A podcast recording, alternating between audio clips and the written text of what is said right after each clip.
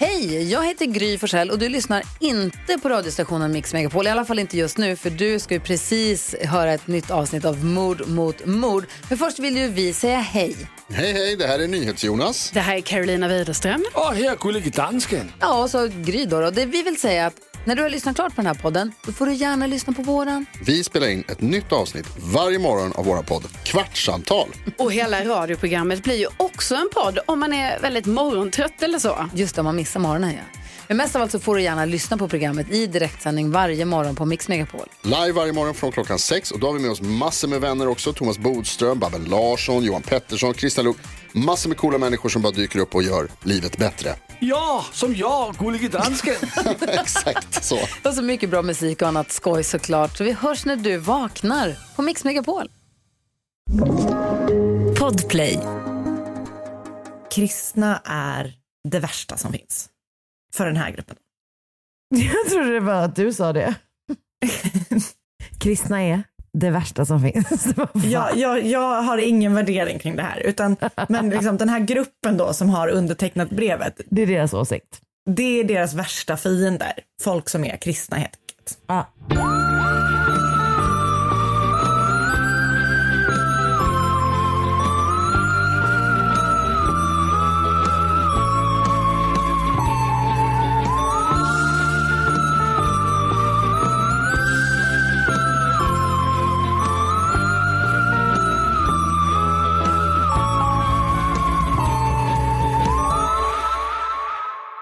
Säger vi hej och hjärtligt välkomna till veckans avsnitt av Mord mot mord podcast with Karin Landre and Anna Sandell. and The company. English version.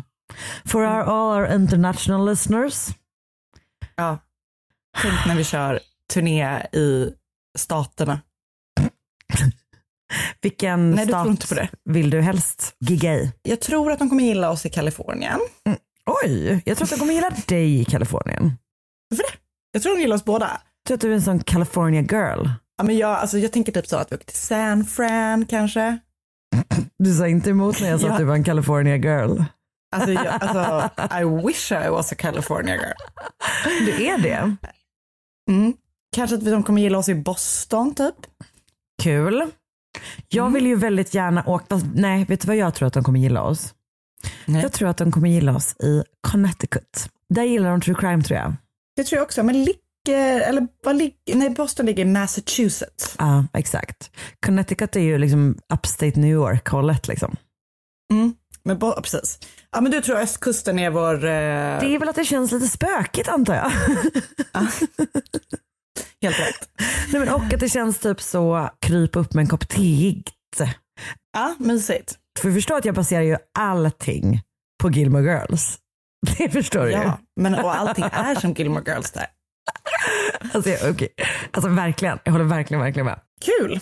Kul Ser vi ska ha det där. Jag med. Mm. Jätte, jättemycket. Hur mår du? Jag mår jättebra faktiskt. Hur mår du? Jag mår bra tack. Jag är på landet. Det är Mm. mysigt. Kanske lite ekigt, ber jag om ursäkt för i sådana fall. Det får man stå ut med. Ja, men eh, svampmanin fortsätter ju, kan man säga. Härligt! Ja, du skickade en Eh, helt sjuk bild till mig igår. Nej, men det var ju typ, Plockat. det var typ en tredjedel. Det är så sjukt. Jag Alltså, vet inte vad vi ska göra med allt. ja, men jag tar gärna en till, en till dos. Är det så? Ja, absolut. Ja, tycker jag. Du får Eh, jättegärna. Jag kände mig så rik när jag hade liksom, igår, eller inte igår, förra veckan när jag gick och mötte dig och du skulle springa iväg på ett möte och bara kastade över en påse svamp till mig och så jag malligt gick hem. Nej, du får jättegärna, jag kan ta med mig. Ja, härligt. Super. Då är, säger vi så helt enkelt. Jättebra, hej då! Hej då! Nej men eh, det är underbart ju och ehm, eh, jag gillar inte att plocka svamp så att då känns det som att vi har funnit varandra här. Ni älskar att plocka svamp och hitta ett jättebra svampställe. Jag älskar att äta svamp men hatar att eh, Men vet du vad? Fast, jag tro, fast grejen är så här, jag tror att här hade du inte hatat det. För att det är sjukt lite letande just i år. Alltså det är det som typ att man- Aladdin i grottan. Alltså ja, det är faktiskt Min så. favoritreplik, vi har ju pratat om det här säkert massa gånger. Min favoritreplik, alla kategorier. Om jag hade en näve av det här skulle jag vara rikare än sultanen. Exakt så jag, jag i skogen. Så härligt. Faktiskt. Mm. nästa, nästa år kanske hänger med och plockar då. Ja, om det är ett bra svampår. Jag tror bara att det är det som är liksom Aha, poängen för okej. dig. Att du, så här, du ska inte behöva det ska inte vara typ att man går runt och sen hitta en. Liksom. Utan det är det här när liksom guldet breder ut sig. Marcus Så sa häromdagen, han bara, vilken kick. Men jag kan typ fatta det. Alltså för det är som när man går på bärplockning eh, Ja. på sommarhus, vilket vi har gjort väldigt mycket. Vad det gillar Då du? känns det ju, vad sa du? Det tycker du om? Ja absolut, men det är ju så Ah. här, vi brukar åka till ett ställe utanför Kivik där de har eh, liksom byggt upp så här tunnlar du vet. Det är en odling. Man går, ja ja ja. Aha. ja, ja, ja, nej gud nej, alltså gud gud nej nej nej nej. Nej nej nej nej nej, alltså Ja, absolut. då förstår jag. Det är en ja. odling. Ja. Ja, jag fattar. Eh, självplock kanske jag ska kalla det istället Just för det. bärodling. Eller bärplockning. Ehm, där går man ju, alltså det är ju som att gå i en matbutik typ. För att det är, Ja. alltså du vet, det är så här uppväxt, jättestort, jättefint liksom. Ja, men det är ungefär som här. Där känner man ju sig som en, Alltså rikare än, än sultanen liksom. alltså så mycket. Och barnen kan ju plocka. Ja, gud. Nej, men alltså jag ska säga att vi, vi närmar oss ändå självplockskänslan här ute. Härligt. Kan jag säga.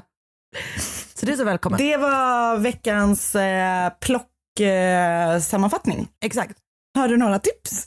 Det har kommit en ny säsong av podden Over My Dead Body. Kommer du ihåg den? Mhm, absolut. Som ju gjorde, eh, de gjorde ju eh, Joe Exotic faktiskt, typ. Som jag tror kanske till och med kom innan tv-serien, alltså Tiger King liksom. Ja, absolut. Ehm, men som, ehm, eh, som gör olika fall och som är väldigt bra. Det är en Wondery-produktion. Och eh, i nya säsongen då som har kommit Mm. eh, så gör de, berättar de om Mike Williams som jag tror att vi kan ha berättat om i den här podden. Du frågar fel person, Ah, jag, som vanligt. eh, ja, det har vi. Avsnitt 56. Okej. Det är alltså en person, som- och jag tror när jag säger så här så kommer du känna igen det. Det är en person Mm. som åker ut och ska jaga anka tror jag. Och som försvinner.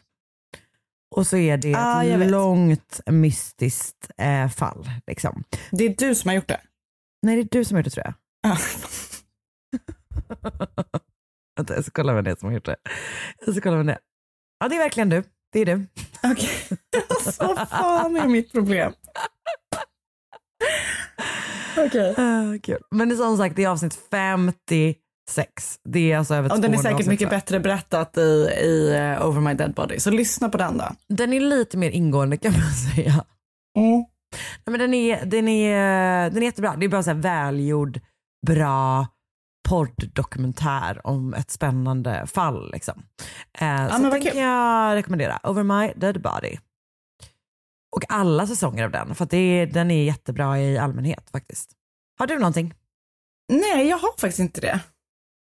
Bu. Eh, jag har eh, typ, ja alltså verkligen bu. Jag har eh, fokuserat på Sigrids kalas den här veckan. Ah, Handlat det. och bakat och donat. Så jag har inte hunnit kolla på tv någonting typ. Kan man få någon liten uppdatering från Sigrids kalas?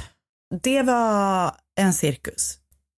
Alltså, var det cirkustema eller var det bara en cirkus? Nej, det var, det var Unicorns prinsesstema. Såklart. Alltså Okej. gud, hur kan du ens fråga? Eh, nej men eh, det var jättekul, alla barnen var helt vilda och eh, jag återupplevde så ett minne från när jag själv var liten, för jag var ansvarig för fiskdammen. Ja. Och kommer du ihåg eh, när, att man fick en stövel eller en sko eller Ah, du vet, så typ så här, en, en rutten banan och sånt. Ja, men jag kunde liksom inte låta bli att göra det igår. Nej, såklart du inte kunde. Jag försökte ändå välja barn som jag tänkte kunde så hantera det. Som var lite, liksom, typ mina systersöner som är lite äldre och så här. Men de Hur togs det typ emot? inte att det var så kul. Nej men alltså den som tog det bäst var en flicka som var stora syster till eh, Sigrids eh, kompis på skolan. Ja. Eh, hon liksom skrattade och tyckte det var kul men var ändå lite nervös. Jo men för det är ju inte kul. Men jag tycker att det är kul. Ja men det är äkta vuxen att vuxen tycker att det är kul medan Ja. alla barn mår, mår piss av det. ja, jag ska inte göra det nästa gång. Jag ska Du typ inte göra det. För att, Jag hörde ditt typ i den meningen. Jag ska typ Ja. inte göra det nästa gång. Men jag blev glatt påhejad av min mamma som ju älskar sån humor. Hon var ju sån som så här, vickade våra tänder när vi var små och drog ut den Ja, utan att förvarna. ja, det gjorde min mamma med. Ja. Så att det finns en liten sadist i oss, absolut. Eh, men det Men- var underbart, Sigrid var jätteglad och eh, jag är typ helt utbränd efter kalaset. Hur hade Sigrid reagerat om du hängde på en god stövel? Nej, alltså det hade, då hade vi fått stänga ner kalaset. 100 procent. Hon tycker inte om Hon har inte den att humorn. bli driven med. Nej. Nej. I morse så, hon fick ju eh, så sjukt mycket krafs liksom och Ja. mycket då unicorn-relaterat och prinsessrelaterat för det är det hon går igång på. Och i morse så hade hon på sig då sin eh, eh, så här, en ny paljettkjol, en paljett-t-shirt, krona, eh, hon hade satsat diamanter ovanför ögonbrynen du vet som de gör på Burning Man och sånt där. Eller det kanske inte, nej på Coachella, på Coachella kanske det man gör det. Jag vet inte, någon festivalsminkning. Och sen hade de på så här, sen så sista liksom ehm, kronan på verket så att säga var att hon skulle sätta på sig så här stora clipsörhängen, så här prinsessklippsörhängen. Mm. Och då kunde jag liksom inte hålla mig längre, så då började jag, då skrattade jag för att hon såg så himla rolig ut. För att det var verkligen Åh, en nej. skata.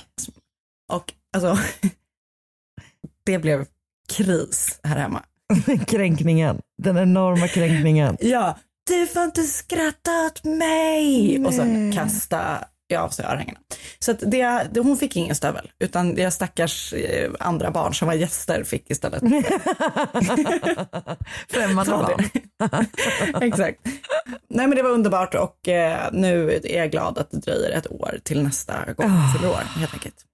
Ian behöver inte ha så stort kalas heller. Nej, absolut inte. Han kommer inte ha några kompisar. Men gud taskigt. Alltså när han fyller ett menar jag. inte i allmänhet. Han kommer ha några kompisar. Okej, jävla Så du behöver inte oroa dig. Du står fram, längst fram i mobbingpatrullen mot Ian. Med och krokar på stövel efter stövel på Ians fiskedamm. Han får ett helt, han får ett helt lager av skor. Gud, jag menar Ah, hans okej. ettårskalas. Jag menar fattar det. Jag fattar det. Nu stänger vi ner och börjar eh, Och börjar om. podda. Ja. Hej då! Hej då! Ett poddtips från Podplay. I podden Något Kaiko garanterar östgötarna Brutti och jag, Davva, dig en stor dos skratt. Där följer jag pladask för köttätandet igen. Man är lite som en jävla vampyr. Man har fått lite blodsmak och då måste man ha mer. Udda spaningar, fängslande anekdoter och en och annan arg rant. Jag måste ha mitt kaffe på morgonen för annars är jag ingen trevlig människa. Då är du ingen trevlig människa, punkt. Något Kaiko, hör du på Podplay. Därför är gardinerna.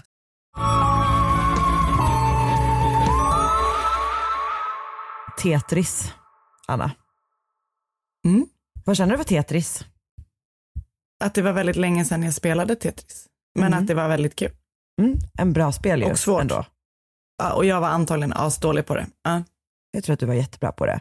Det är ett ryskt spel, visste du det? Mm. När man tänker på det känns det lite ryskt. Faktiskt. Kanske, kanske.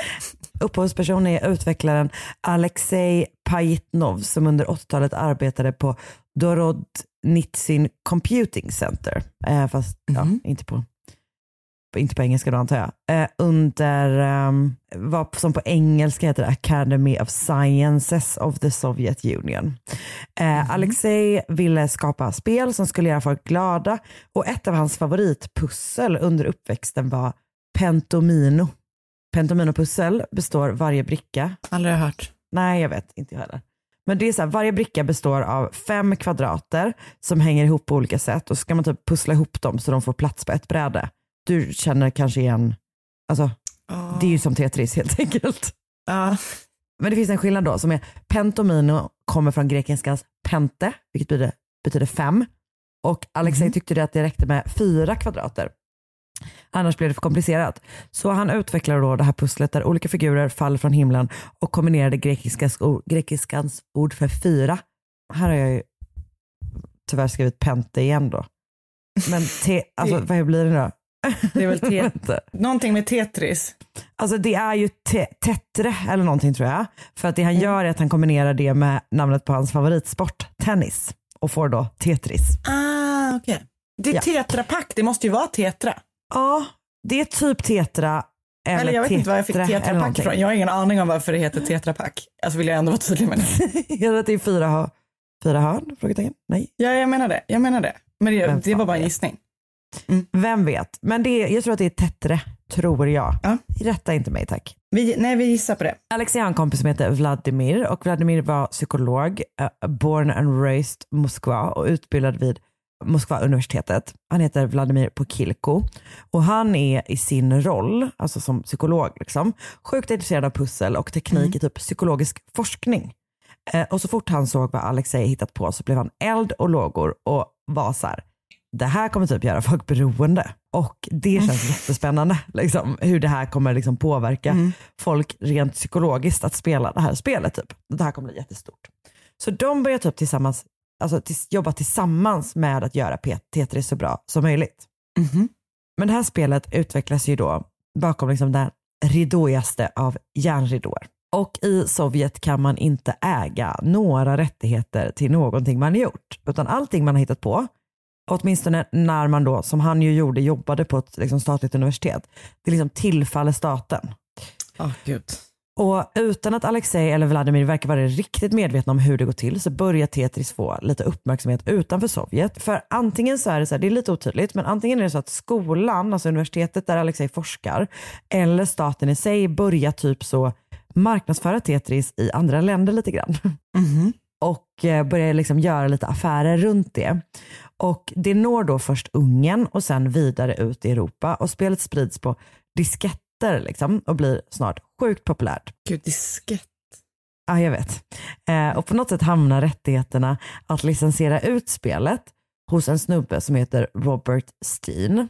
Och, så han licensierar Tetris till olika marknader för massor av pengar och det, det här spelet alltså, exploderar i popularitet.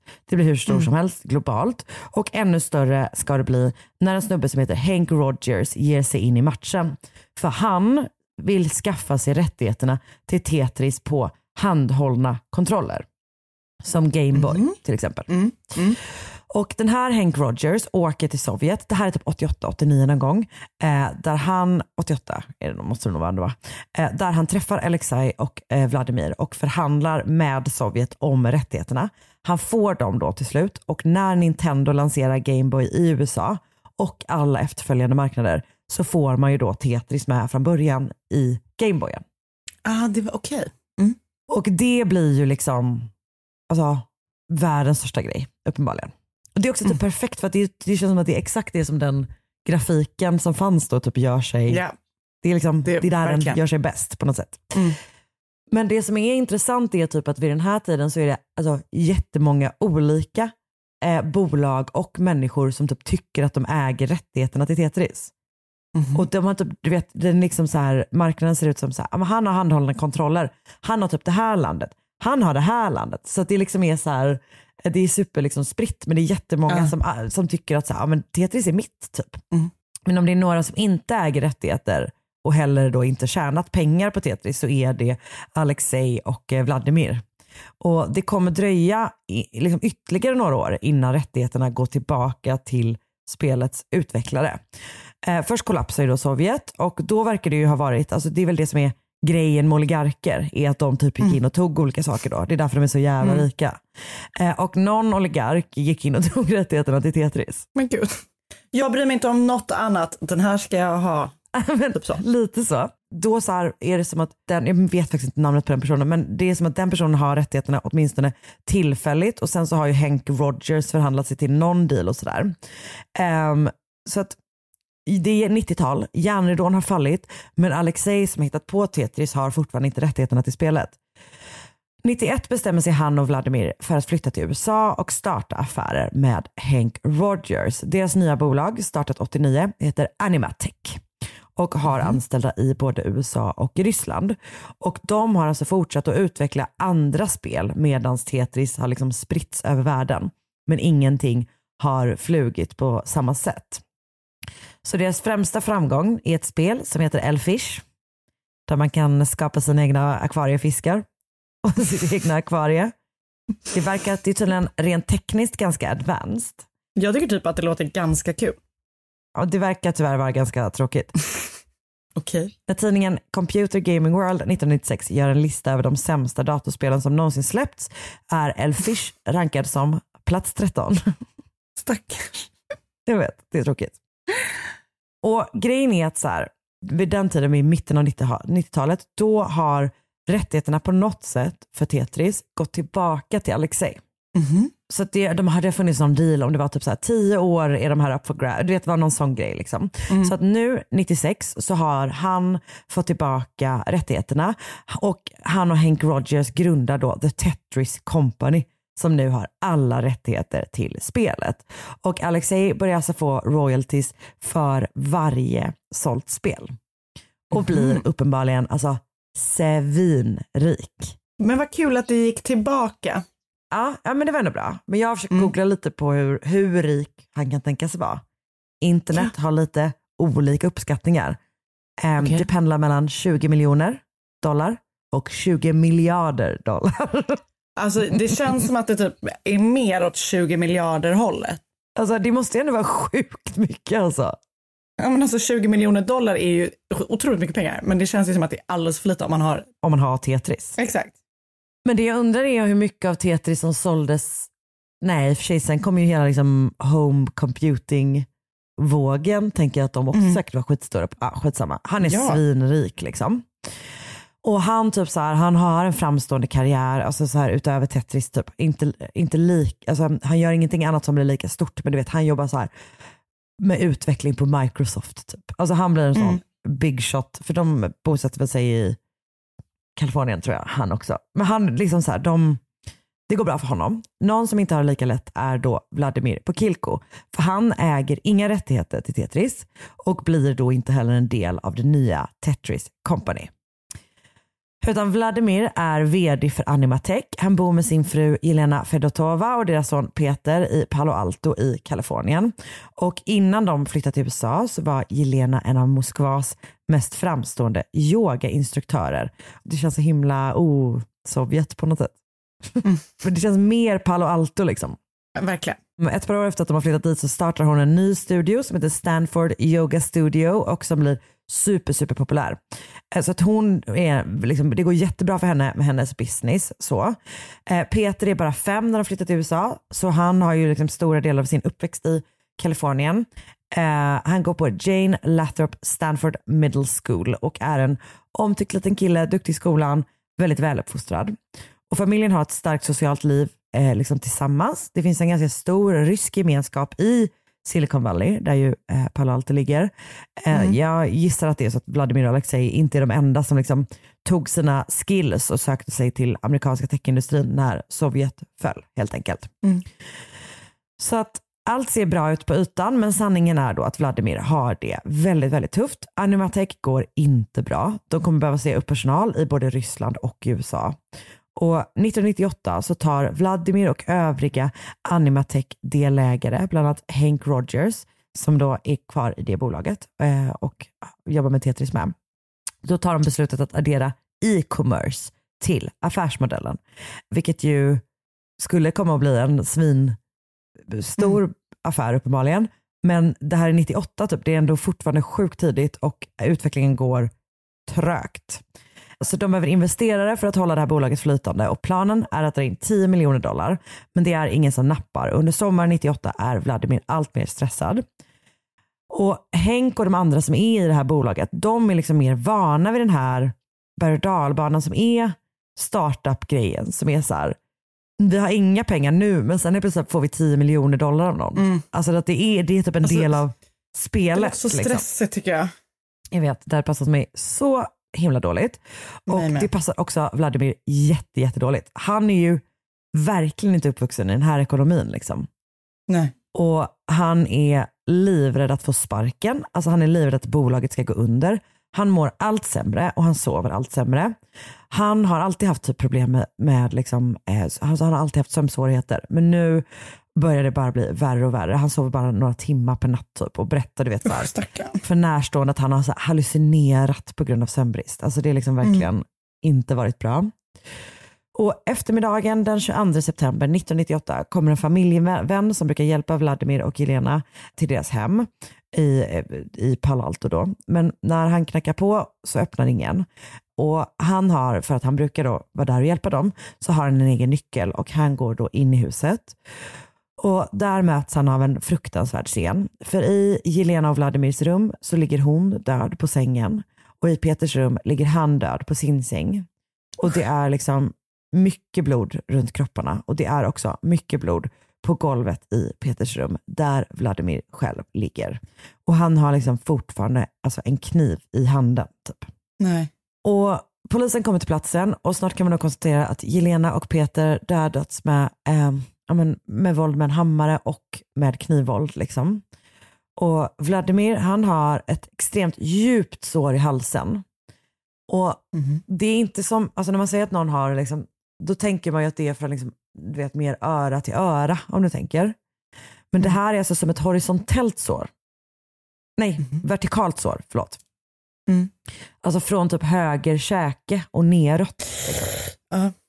Två olika hammare har använts vid morden och båda två har tvättats av. Det finns inga fingeravtryck på, kvar på dem. Det finns bara handavtryck på kniven man hittar i Vladimirs hand. I grillen på baksidan hittas rester av dokument som eldats upp och i ett av rummen hittar polisen en lapp. Det tar typ ett år innan de går ut med vad som står på lappen, men till slut gör de det. Eh, och det är något eh, otydligt kan man säga. Det står I've been eaten alive, Vladimir. Just remember that I am exist. The Devil. Alltså stavar D-A-V-I-L. Och det här fallet utreds av lokal polis och state police men snart får de också hjälp av FBI som delvis erbjuder sig att översätta dokument på ryska och delvis att ta liksom, kontakt med lokal poli- polis i Ryssland för att försöka få hjälp med utredningen. Eh, försöka ta reda på om de har någon mer info som kan hjälpa till. Men det här leder liksom ingen vart. Eh, man genomför två rättsmedicinska undersökningar som båda kommer fram till samma sak. Det här rör sig då om ett utökat självmord. Alltså Vladimir har mördat Jelena och Peter och sen begått självmord. Men det så stängs fallet och faller nog i glömska hos de allra flesta. Dock inte hos några av de poliser som arbetade med de initiala undersökningarna. För förra året så kom en mini-dokuserie som heter The Tetris Murders. Och i den får vi höra från några av de poliserna som liksom aldrig trott på slutsatsen om utökat självmord. De tycker att det finns för många konstigheter kring fallet. Och här framträder en teori om att Vladimir Pokilko mördats av den ryska maffian. Så i täten skulle man kunna säga, alltså jag ska säga så här redan från början. Det som, så här, det som kommer fram om det här och det som är skrivet om det här och rapporterat om det här har typ kommit efter dokumentären. Liksom. Så det är verkligen dokumentären som är, alltså så, har djupdykt i de här spåren och typ all information kommer från den här liksom, dokus, dokuserien. Typ. Ehm, och i täten skulle man kunna säga att en lokal polis som heter Sandra Brown Gore, hon är väldigt drivande i dokumentärserien. Och nu ska jag liksom gå in i vad hon och några av de andra poliserna tycker är konstigt med utredningen. Och jag tycker inte att den här dokumentären var svinbra rakt igenom. Jag tyckte att den var lite, ja, men lite sökt. Eh, sådär. Ehm, men det gör ju inte att flera av deras findings inte känns liksom extremt märkliga. Så om vi utgår då från att det var utökat själv, självmord, eh, då är teorin att det går till ungefär så här. Vladimir Pokilko har någon gång under natten den 22 september först attackerat sin fru med en hammare medan hon sov. Sen har han gått ut i garaget och hämtat en annan hammare som han har attackerat sin son med. Och sen har han använt den här kniven liksom mot båda två. Han har tvättat av vapnen som han använde i ett handfat. Han har eldat upp några dokument. Han har skrivit den här konstiga lappen. Han har sen vänt kniven mot sig själv. Men inte gjort det på ett sätt som gjort att han dött snabbt. Utan det tog liksom ett ganska bra tag innan han eh, dog. Liksom. Så de här poliserna de tycker det är konstigt att han bytte hammare. De tycker att det är konstigt att han eh, torkade, alltså städade av vapnen. Eh, den här lappen skriv, han skrivit, skrev, skrev stämmer liksom inte överens med den nivå av engelska Vladimir pratade. Och sen tycker de då att det här sättet han använder kniven mot, mot sig själv är konstigt utifrån liksom självmordsperspektiv. Typ. Alltså, det är det att han håller kniven i högerhanden, sätter den liksom på höger, högra sidan av halsen och drar neråt. Typ. Det, ja. Ehm, och det är också ingen i hans närhet som tror att han skulle göra det här. Det är förstås det svagaste argumentet för att det tror ju aldrig någon. Liksom. Nej, exakt. Ehm, men sen finns det en annan del. Folk tycker då, eller polisen tycker att det är, den lokala polisen tycker att det är konstigt att FBI blandade sig i en lokal utredning om en familjetragedi och att de typ bara dök upp så dagen efter mordet och var så, hallå vill ni ha lite hjälp att översätta saker typ. Utan att då den lokala polisen har bjudit in dem, vilket vi ju är någon slags standard då. Mm. Folk tycker också att det är konstigt hur snabbt fallet stängdes trots att det fanns så mycket oklarheter. Sandra Brown som plötsligt mitt i den här dokumentärserien är typ som en programledare, alltså en reporter. Man bara, Va? vad, händer, vad händer nu typ? Eh, men hon pratar i alla fall med en jätteerfaren rättsläkare som kollar igenom eh, de protokoll som finns kvar i förundersökningen. Och han kommer fram till slutsatsen om att teorin om utökat självmord, eller snarare hela undersökningen, citat stinks. I hans professionella uttalande. Ja. Redan under de första dagarna pratade folk i området, alltså andra ryssar, om att det skulle kunna ha med ryska maffian att göra. De sa att maffian krävde ryska företagare på någon slags skatt för beskydd. Om man inte betalade det så levde man farligt. Och teorin var då att Alexei hade mycket starkare kopplingar till det här oligarkgänget eftersom någon sån snubbe ägde eller hade ägt åtminstone Tetris-rättigheterna eh, och att han därför hade någon slags beskydd medan Vladimir inte hade samma position. Typ. Och när dokumentärfilmsmakarna börjar gräva i det här så hittar de ett dokument datumstämplat bara ett par dagar efter mordet då FBI kräver att ett vittne ska inställa sig framför en så kallad grand jury. Vilket ju är ett, något slags rättsligt förfarande innan rättegång. Typ. Alltså det, the, the grand jury som är, kan liksom komma fram till att det finns tillräckligt med, med bevis för, att, för något för att ett fall ska prövas. Typ. Och Det här vittnet ska då ta med sig all information som eh, hen har om Vladimir Pokilko. Det här är liksom, de har hittat dokument det här, där kravet är att den här, det här vittnet ska inställa sig. Typ. Och att det här sker så kort efter dödsfallen anser vissa indikerar då att FBI redan hade en utredning om Vladimir Pokilko när morden skedde. Och vad som hände sen har hemligstämplats, eh, vilket Va? ju är konstigt bara det. Så vi kommer inte få veta vad som har hänt? Det är det du menar? Nej, alltså, det, eller, Okej, förlåt. Jag går händelserna i förväg. nej men alltså rättsligt är ju fallet stängt liksom. Ja. Eh, eller alltså så, nej vi kommer ju inte ha att så här, nu har de öppnat utredningen igen och det här är vad som egentligen hände. det kommer vi inte ha. Va? Okej, för vad som hände sen, alltså i FBI-utredningen har hemligstämplats ska jag säga. Ja, ja. Och det är ju misstänkt bara det. Typ. Och i dokumentären pratar Sandra Brown med, med det här vittnet som har blivit kallat. Som säger att, så här, vittnet säger typ, det låg något annat i det här fallet än vad slutsatsen blev. Eh, Men personen är så rädd för sin egen säkerhet att den inte medverkar i dokumentären annat än med förvriden röst. Typ. Okej. Sandra Brown är riktigt nyfiken och har fått upp ett hopp om att något ska hända. Så hon beger sig då till polisstationen där de alla jobbade för att kolla de gamla bevisen. Alla som var med när det hände är ju pensionärer nu. Mm. Men när hon kommer dit får hon höra att alla bevis har förstörts. Nej. Bara sex månader efter mordet. morden skedde. Okej. Misstänkt, även det. Mm. Och härifrån är det svårt att komma vidare. Det har uppenbarligen hänt jättemycket konstigheter kring det här fallet. Alltså vad var grejen med FBI? Varför dök de upp typ? Mm. Det är, är ett konstigt förfarande om man tänker föreställa sig att det är ett utökat självmord. Dessutom har det nu på senare tid dykt upp ett par andra fall som liknar detta. Alltså fall där liksom folk som kritiserat Putin, typ mer oligarkspåret då kanske, och Ukraina-kriget har liksom mördat sina familjer och begått självmord. Mm. Och eh, en sak, men, men, men så det är så här, det finns skitmycket konstigheter, konstigheter i det här fallet. Och eh, så. Men det som jag tycker typ man ofta glömmer bort i den här typen av utredningar är att så här, det är kanske typ inte konstigt att agera irrationellt när man är så sjuk att man mördar sin familj. Typ. Nej. Förstår du vad jag menar?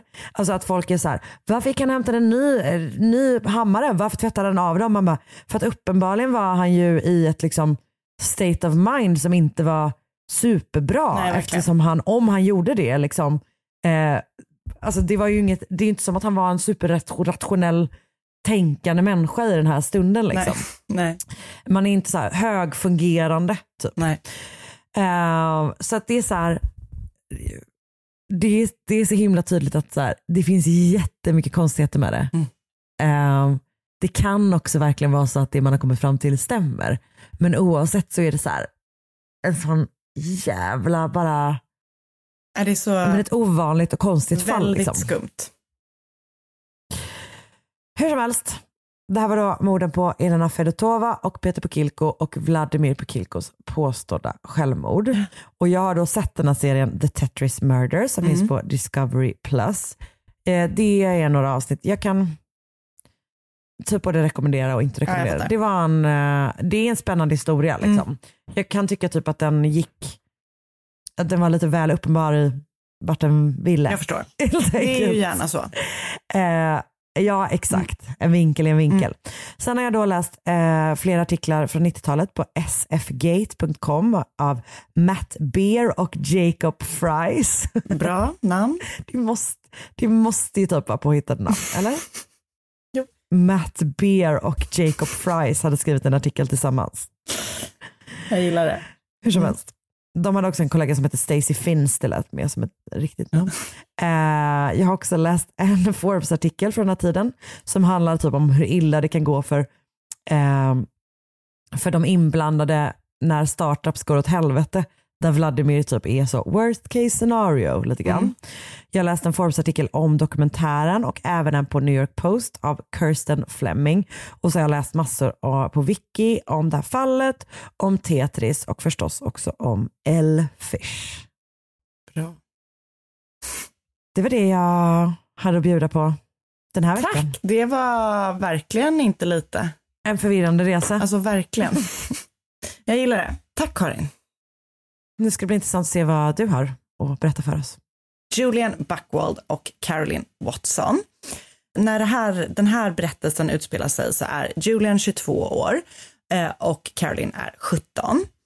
Eh, Julian och hans familj kommer ursprungligen från Tyskland och de hade kommit till Australien när Julian var en liten pojke och då bosatt sig i Budgery på en gård med så väldigt mycket tillhörande mark och det var liksom deras eh, livelihood så att säga. De, Hela familjen jobbade med vad de nu producerade på gården. Och ehm, hon var då 17 och hon bor i någon sån liten stad precis bredvid Budgery och har typ ett helt vanligt familjeliv där. Hennes familj bor inte på en stor gård. Ehm, så vi befinner oss i år 2008 och de är då 22 och 17 år och de är tillsammans med varandra och har varit tillsammans med varandra i två år. De har väldigt mycket gemensamt eh, och varav en sak är då att de är väldigt, väldigt kristna. Eh, de tillbringar mycket tid eh, i kyrkan tillsammans och eh, de du vet, har aldrig varit fysiska med varandra utan har bestämt sig för att de ska spara sig tills de gift sig. Mm. För de har då planerat för att gifta sig helt enkelt inom kort tid.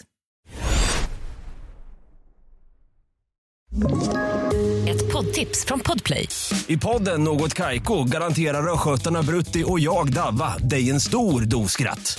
Där följer jag pladask för köttätandet igen. Man är lite som en jävla vampyr. Man har fått lite blodsmak och då måste man ha mer. Udda spaningar, fängslande anekdoter och en och annan arg rant. Jag måste ha mitt kaffe på morgonen för annars är jag ingen trevlig människa. Då är du ingen trevlig människa, punkt. Något Kaiko, hör du på Podplay. Därför är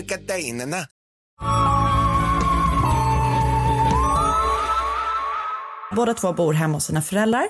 Eh, men han då, Julian, han så planerar väldigt mycket. In, han är ju 22, liksom var 20 när de var ihop och då var hon bara 15. Så han är kanske några steg liksom längre fram i du vet, planerna för deras gemensamma liv. För han har så byggt ett hus till dem och du vet, eh, ja, preppar mycket inför deras eh, kommande äktenskap helt enkelt. Köpt så många kondomer. Nej men sluta Karin. Lilla Också det handlar antagligen bulle. inte om dem. Om dem. Nej, det Nej. Tvärtom. Nej, precis. Han hade stuckit hål på alla kondomer. Eh, usch. Okej, Låt mig fortsätta. Usch och fy. ja. usch och. Den 4 mars 2008 så har han planerat in en dejt då som han bjudit med Caroline på. De dejtar väldigt mycket, väldigt så här oskyldiga dejter. Ehm, de, på hans familjs mark så har de tydligen så ett väldigt vackert vattenfall som han vill ta med och visa henne. Och de, han planerat då att de ska kolla på vattenfallet och plantera ett träd som väl typ kanske ska här, symbolisera typ deras relation eller någonting. Alltså väldigt pretentiös dejt tycker jag för att ha varit ihop i två år. Det känns verkligen Verkligen. någonting man gör på första dejten för att liksom wheel someone in typ. Inte för att någon Ja. någonsin har gjort det för mig, men det säger kanske mer om mig än någon annan.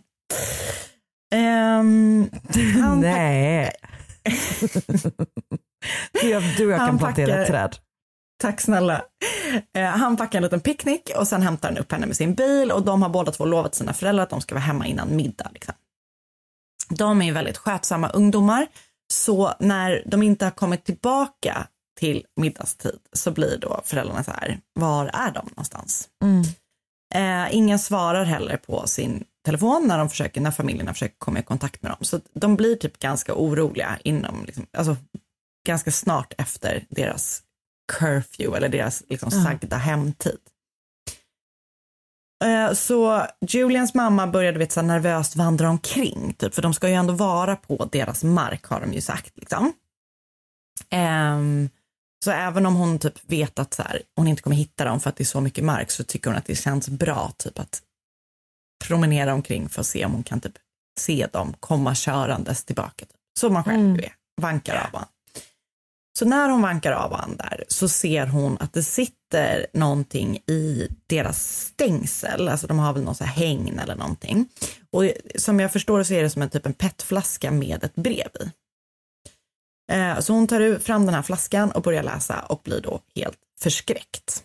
För i brevet då så eh, står det ehm, att eh, familjen ska sluta jävlas med dem och om familjen inte slutar jävlas med de här personerna som har skrivit brevet så kommer de att döda både Julian och Caroline. Och det är formulerat på ett ganska så här väldigt grovt sätt. Typ. Och nu undrar du kanske vilka de här de är då som Julians familj ska sluta jävlas med. Ja. Och det är då, brevet är undertecknat av en satanistisk sekt. Okej. Så hon får ju så här panik såklart. Så hon får det här brevet och eh, kontaktar genast polisen. Eh, och polisen ger sig då ut för att leta efter Julian och Caroline. Eh, det visar sig också då att Carolines föräldrar har fått ett liknande brev en eh, dryg vecka innan de, den här dagen då, innan Julians familj har fått det. Men de har typ bara så här trott att det är något konstigt skämt. Alltså de fattar typ ingenting med det här brevet. Så de har bara avfärdat det som, ja, du vet att någon har prankat dem typ. Det som gör både polisen och familjerna lite oroliga med det här brevet då, som de har fått, eller breven, är att den här gruppen, den här satanistiska, jag vet inte, det är inte en sekt kanske inte ska kalla det, men en satanistisk grupp eh, av något slag. De är inte främmande med eh, för att eh, döda folk. Och det kristna är det värsta som finns för den här gruppen. Jag trodde det var att du sa det. Kristna är det värsta som finns. Jag, jag, jag har ingen värdering kring det här, utan, men liksom, den här gruppen då som har undertecknat brevet, Det är deras åsikt. det är deras värsta fiender, folk som är kristna helt enkelt. Ja. Så det är liksom, alla är jättestressade helt enkelt. Och polisen letar, du vet, överallt på den här marken, i omnejd, men de hittar inga som helst spår efter Julian och Caroline. Polisen pratar också med Julian och Carolines pastor då, som eh, de ju har en väldigt nära relation till, eftersom de är väldigt mycket i kyrkan. Och eh, prästen berättar då att kort innan eh, Julian och Caroline har försvunnit så har de sökt upp honom för att prata. Han berättar att de har pratat om, eh, du vet, att deras tro säger att de ska spara sig till äktenskapet och att de har haft tankar kring det. Eh, Caroline har typ sagt att hon vill gärna gå färdigt skolan och eh, du vet, se till att bli klar med det innan hon gifter sig. Eh, och då dröjer det ju ytterligare något år eller två innan de kan gifta sig och fullborda sin relation helt enkelt. Vilket typ så här, Julian vill gärna gifta sig tidigare och hon vill vänta då tills hon är färdig med plugget, vilket känns ju väldigt rimligt. Ehm, och pastorn typ råder dem att vara så här, vänta eh, liksom tills hon är klar, ni har all tid på er i världen. Han verkar vara väldigt så här, typ, ta det lugnt helt enkelt. Men han säger så här, jag vet inte om jag tror att de har blivit kidnappade, utan jag tror kanske att de har flytt tillsammans. Mm. Så det finns liksom lite delade meningar då. Vissa som tror att de har blivit kidnappade av en satanistisk grupp. Och varför typ den här gruppen skulle ha pinpointat dem, det är ingen som vet, förutom att då de är väldigt kristna helt enkelt. Medan då vissa kanske är så här, men de är 17 och 22, de typ är i en relation, de har säkert dragit tillsammans. Två sidor helt enkelt. En vecka efter att de har försvunnit så har man fortfarande, du vet, inte hört, inte sett, ingenting från Julian och Caroline. Men en vecka efter att de har försvunnit så är då en man ute och kör sin bil på en gata, eller på en gata, en typ en rural väg, verkligen. När då Julian och Caroline kliver ut på vägen. De är nästintill nakna och är liksom illa däran kan man säga. De är så sönderbrända av solen och har sår på fötter och kroppen för de har ju liksom varit ute i terräng verkligen. Men de är okej. Liksom det, det har inte hänt något det har inte hänt något större allvarligt, men de har alltså, vet, utan solkräm, utan kläder, utan vatten, utan mat, alltså vet så här, de I har varit ute i bushen i Ja. en vecka. Okej. Mm. Ehm, så de blir väl typ så omplåstrade och kontro- vet, undersökta av vårdpersonal och sen förs de då till polisen för att lämna sina statements, vad som har hänt. För att de är bara så här, shit vad sjukt. Så jävla sjukt, ja. Bara dyker upp så här. Så nu ska jag då berätta vad som har hänt. Eh, för Julian har då kommit och hämtat Caroline och så sätter de sig i bilen för att köra iväg på sin picknick. Eh, Julian berättade då att eh, han hade så planerat en liten schnitslad bana som skulle leda Caroline till vattenfallet och sen skulle de då plantera det här trädet tillsammans. Det är liksom planen när de sätter sig i bilen. eh, när de då väl har satt sig i bilen så har de kört förbi ett kadaver som har legat på vägen, alltså typ ett påkört djur. Och det här har då fångat hans intresse. För typ dels är han väldigt intresserad av det, typ djur och du vet, det här, också är det då på deras mark. Så han är typ så här, kan, är det okej om jag stannar för att se vad det är för djur och vad som har hänt? Och hon är bara så här, ja you do you man. This date took a turn. Alltså verkligen. Ehm, så då har de då stannat bilen, han har hoppat ur, sen har han blivit slagen i huvudet med någonting väldigt hårt så att han har blivit medvetslös. Alltså han har liksom blivit knockad, blivit och knockad. tuppat av. Mm. Caroline då, alltså, som har suttit i bilen och väntat på att han ska komma tillbaka, får total panik när hon i backspegeln ser en man i helt svarta kläder och sån här balaklava närma sig bilen. Så hon försöker låsa men hinner inte det. Utan hon, ja, nej, alltså det är, nej, det, man kan inte ens tänka sig.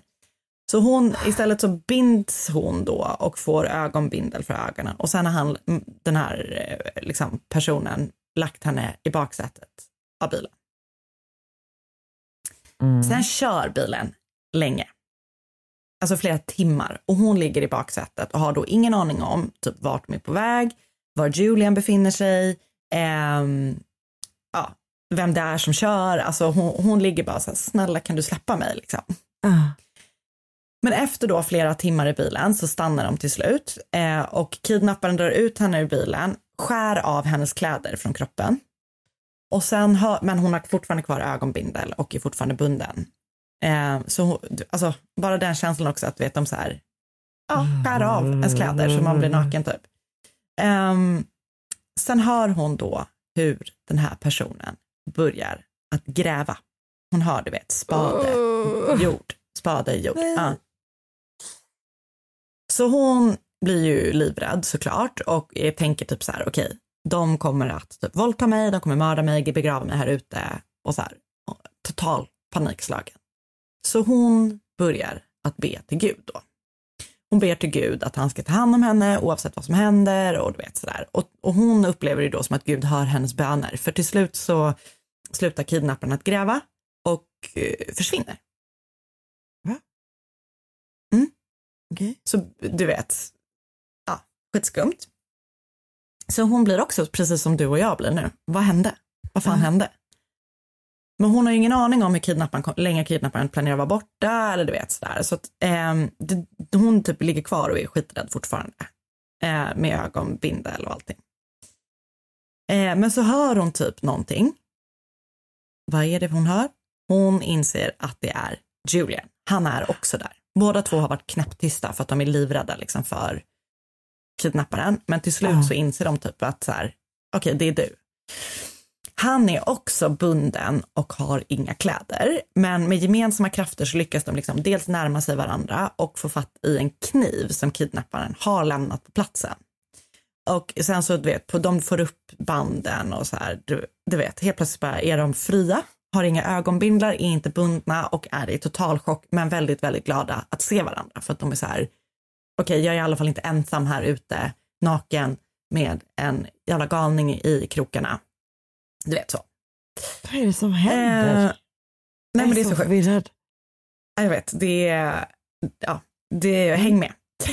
Så de är ju livrädda att deras kidnappare ska komma tillbaka. Så de samlar ihop lite grejer som kidnapparen har lämnat på platsen. Så dels är det då en kniv, ehm, lite mat, typ lite vatten och en sovsäck hittar de då på platsen. Och sen så bara ger de sig iväg.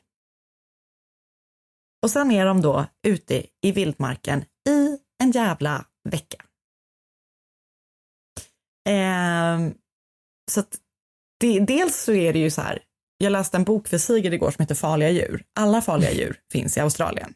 Alltså, det, här, det är inte kul Japp. att vara ute i vildmarken i en vecka där. Plus att det då är i mars eh, och Budgeree ligger i Victoria som, och här då i mars så är det tydligen så här jättevarmt på dagen, jättekallt, på Jättekallt. natten. Så, att, Ah. så det är typ ett under att de liksom klarar det här. För de har inga kläder, de har en sovsäck. Eh, ja, de vandrar runt, runt, runt och det visar sig att de typ går i cirklar vid flera tillfällen. Att de är bara så här, åh nej, nu är vi tillbaka här. Alltså du vet, så. Och det här gör de i en jävla vecka innan de till slut hittar en väg och blir räddade. Och de blir räddade då sex timmar bort hemifrån i en nationalpark. Så att kidnapparna har alltså kört dem en tim nej, sex timmar bort. Okej. Det är helt sjukt. Ja. Och så, så liksom, de bekräftar varandras ehm, historier då liksom. Och det här var då Caroline som berättade, eller du vet, han, Julian berättar samma sak. Han berättat då att han har blivit slagen så hårt i huvudet så att han har varit medvetslös och varit medvetslös under hela den här bilfärden. Resan, typ i sex timmar. Han har varit helt däckad och bara vaknat till liv ute i vildmarken när kidnapparen då har börjat gräva. Och sen har han då hört vet, det här som hon berättade att de hittade. Ah. Sådär. Så alla är ju liksom skitglada att de är hemma, de är oskadda ehm, och du vet så. Och polisen är bara så här, men okej, vi har letat på fel ställe. Nu måste vi leta i den här nationalparken sex timmar bort om vi kan hitta några bevis helt enkelt. Eh, så det gör de. Eh, och de säker, säkrar massa grejer från den här platsen där kidnapparna tagit dem till. De jämför också de här breven då som bådas familjer har fått och man kan se då att det är samma person som har skrivit breven. Så de bara okej, det är någon som har alltså haft span på familjerna i åtminstone en vecka innan Ja. de fördes bort. Eh, vilket säger ju någonting så och så hittar de då de här, alla de här sakerna på ehm, eh, platsen som då klassas som bevis och sen så genomför de då analyser och undersökningar på de här grejerna och, och på breven och massa saker. Ah. Och till slut kan man då se vems saker det här är, alltså vem då, lika med vem kidnapparen är. Helt enkelt. Och resultatet då på alla de här analyserna och undersökningarna chockar polisen. Mhm. För ägaren till rep, knivar och allt annat som har hittats på platsen visar sig vara Julian. Japp. Så han då, eller okej, jag ska, nej, polisen marscherar raka vägen till Julian, har jag skrivit. Bra, jättebra. Och konfronterar honom med att så här, what the fuck, det här har vi hittat. Vad Ah. är din roll i den här kidnappningen av Caroline och dig själv? Typ? Vad har du pysslat med? Och han bara erkänner rakt upp och ner då. Han är väl trött på att ljuga.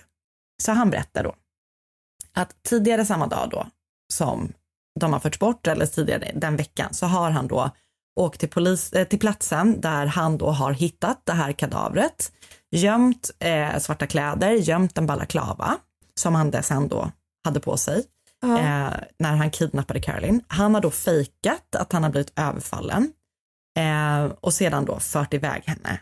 Eh, och sen har allt det här hänt då som de har varit med om. De har varit på flykt i sju dagar innan de då innan han då bestämmer sig för att så här, nu hittar vi hem. Så han vet, de har liksom inte varit eh, vilse, utan han har hela tiden vetat var de är. Och har hållit dem ute i, i bussen i en vecka. Och till slut bara, ja men nu går vi ut på den här vägen som ligger tio meter bort här typ. Caroline har inte varit med på kidnappningen, utan hon har verkligen hela tiden varit totalt livrädd. Eh, Får jag, Och- får jag fråga en sak? Jag är jätterädd att motivet för det här är att han vill ligga. Du får veta det om en sekund, för motivet då. Anledningen till att han har gjort det här då är för att han så gärna vill ligga med Caroline. Jag får panik. Mm. Nej, alltså det är Åh gud, Så. jag får panik. vidrigt. Han har ju då sagt att han, Ah. liksom, eller han har ju varit med på noterna att de ska vänta tills de har gift sig. Men när han då har insett att det ska Att dröja mycket typ- längre än vad han har tänkt sig, för att hon då vill gå ut skolan och du vet sånt där. Ja. så blir han så här, men vad fan, typ så här. Så hans tanke med hela den här grejen då är att om han och Caroline är ute i vildmarken helt själva, Nakna. utan kläder, ja, Och hon typ tror att de kommer för- dö, mer eller mindre. japp, rädda för en gemensam fiende, sovandes i en och samma sovsäck, för de har ju bara en, så Oj. kanske hon då skulle ligga med honom. Får man, Alltså, Okej. jag kommer tyvärr behöva ställa den här frågan. Men gjorde de det? Du får veta det snart. Ah! Eh, varje, varje kväll som de ska sova så säger han typ så här, kom närmre, vi behöver hålla värmen liksom, genom att vara nära varandra. Och han så här, försöker get into her pants på olika sätt. Han typ är till exempel så här, She's not wearing vi kan bara pants. avlägga våra, nej okej, her fictional pants. Nej, Ja. men de har, eh, de har Alltså, underkläder på sig tror jag. De är inte helt spritt nakna. Nej. Um, men gud, som att det är viktigt. Eh, men Men jag får allt är bara så panik. sjukt. Åh gud. Nej, men han Åh. säger typ så här, vi kan avlägga våra löften här ute inför Gud så är vi gifta och då är det typ inte, liksom, då är det inget fel med att vi ligger varandra, med varandra så här. Eh, så, och han försöker massa grejer, du vet. Men Caroline, thank God, står fast vid sin tro och säger att hon inte vill gifta sig eller ligga på det här sättet. Alltså, Så han då försöker med den här galenskapen då i en vecka innan han inser att hon liksom inte kommer att ligga med honom under några omständigheter och då vandrar de ut på vägen. alltså hur länge För har de han varit har har de varit tillsammans i fem Två år här? år. Nej, två, Två år. år. Två år. Men Mm. alltså, eh, åh gud det är sånt, ja, det är en av de obehagligaste Nej men sakerna. alltså, det är så vad jävla läskigt. Ja, och det är helt sjukt att eh, liksom, han tror att det här ska funka. Att han liksom går till de här, the goes to the extreme, att göra någonting så här helt genomtänkt, skräm, alltså han liksom, han förstör Hon ju tror ju att hon ska dö. livet. Ja. Ja, Ja, ja. För att han vill Ehm, ligga. alltså man kan ju, liksom, ja, det är bara, Ja. det är vid. Men så han grips då och åtalas för ett gäng olika saker, massa så olika varianter av kidnappning, typ så här kidnapping with intention to marry. Alltså du vet det finns massa så här, ja, och det antar jag är typ att tvångsgiftes, alltså du vet, alltså men det finns Ja, massa ja, ja. olika, det är typ så här 12 olika åtalspunkter. Han har ljugit för polisen, du vet, massa olika sånt. I väntan på att hans rättegång ska kicka igång då så släpps han mot borgen. Eh, och det här är då något som de inte skulle ha gjort. För under tiden som han är ute mot borgen så köper han sig ett indiskt pass. Eh, som han sen då försöker efterlikna den här då mannen på passen. Så han ehm, eh, färgar sitt hår och gör rakt av blackface eh, och lämnar landet. Ehm, men han och, och så åker han liksom via Singapore och så här. I Singapore grips han då, för de är väl typ så här när de tittar på hans pass och bara, alltså Ah. what the actual fuck har du gjort Ah. för någonting? Han skickas tillbaka till Australien och där han då döms för allting som han har gjort och får sju år och nio månader i fängelse. Hur fan går det för henne? Eh, nej men, och jag hittar typ ingen information om henne, eh, tyvärr. Liksom. Man kan ju Anta att hon mår piss, eh, får man väl bara liksom utgå ifrån. Alltså, Ehm, så jävla vidrigt. Och under tiden som han då sitter i fängelse så inser Australien att han inte är australiensisk medborgare. Eh, han har flyttat dit med sina föräldrar när han var liten, men man har liksom aldrig gjort det här, eh, ansökt för honom då, som någon slags permanent resident visum.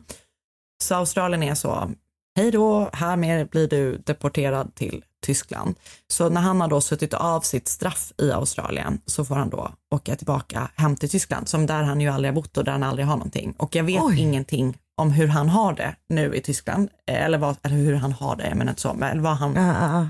vad han, vad han gör idag liksom.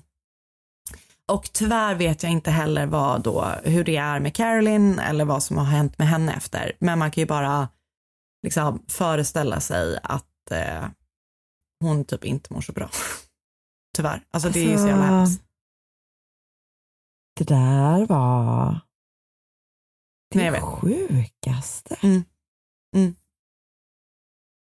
Tänk att så här, alla sexuella upplevelser som börjar med, måste börja med att du skriver brev till din familj och utger dig för att vara en satanistisk sekt.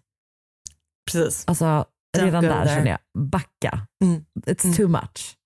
Mm. Jävlar! Men Mm, alltså det hur enda man sjuk får vara är så historia. här, alltså det enda som är bra med det är ju typ att så här, eh, ja hon hade ju gift sig med honom. Hur hade han, Nej, alltså hur ja, hade det absolut. utvecklat sig liksom? absolut. Eh, precis, det får man kanske se som någon slags guldkant ändå, att hon inte... Jävlar vad Mm. sjukt. Jag får panik. jag vet, det är så galet. Eh, men så det Ah. var då kidnappningen inom sådana här citationstecken av, eh, eller det är ju en kidnappning av Caroline. Av. Eh, s- ja, men eh, det är ett så galet eh, fall.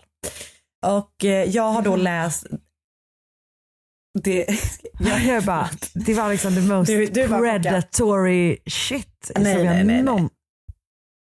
Okej, förlåt jag ska vara tyst nu. Mm. Säg, dina, säg dina källor. Ja, jag har läst The Insanely Bizarre Kidnapping That Turned Into uh, an International Hunt av Shenbaga Lakshmi uh, och uh, Teen and her boyfriend were abducted by a satanic cult and left in the woods or were they av J.E. Mercedes på medium.com. Jag har också läst Nailed, Bailed, Jailed, Then Derailed The Bush Plot That Cost a Man His Country av John Sylvester Oj. på theage.com.au och sen har jag läst What Happened to Julian Buckwald and Caroline Watson after his stage eh, The Abduction of His Christian Girlfriend to Marry Him av John Sundholm på yourtango.com och sen så har jag lyssnat på eh, några poddar. Och då har jag lyssnat på Not Today heter en eh, och det, nu ska vi se vilket avsnitt det var, förlåt. Um, då har jag lyssnat på Not Today, episod 93. Eh, avsnitt heter Abduction of Caroline Watson and Julian Buckwald och sen har jag också lyssnat på Eh, People are the worst och det avsnittet heter Caroline Watson och Julian Buckwald. Åh. Panik. Största paniken. Galning. Största paniken. 100 procent. Alltså, tänk bara att leva med någon, att vara ihop med någon i två år, planera och gifta sig med den och sen bara vara så här, och nu Nej. tänker jag skrämma henne till döds för att få ligga med henne. Nej, alltså galning. Uff! Ja. That was all for today folks. Ja, vilken jävla resa eller? Mm, verkligen. Från Sovjet till den australiensiska börsen. Vi får se var vi hamnar nästa vecka. Tack Verkligen. för idag. Det blir spännande. Hej då! Hej då! Podplay, en del av Power Media. Poddtips från Podplay. I podden Något Kaiko garanterar östgötarna Brutti och jag, Davva, dig en stor dos skratt. Där följer jag pladask för köttätandet igen. Man är lite som en jävla vampyr. Man har fått lite blodsmak och då måste man ha mer. Udda spaningar, fängslande anekdoter och en och annan arg rant. Jag måste ha mitt kaffe på morgonen för annars är jag ingen trevlig människa. Då är du ingen trevlig människa, punkt. Något Kaiko, hör du på Podplay. Därför är gardinerna.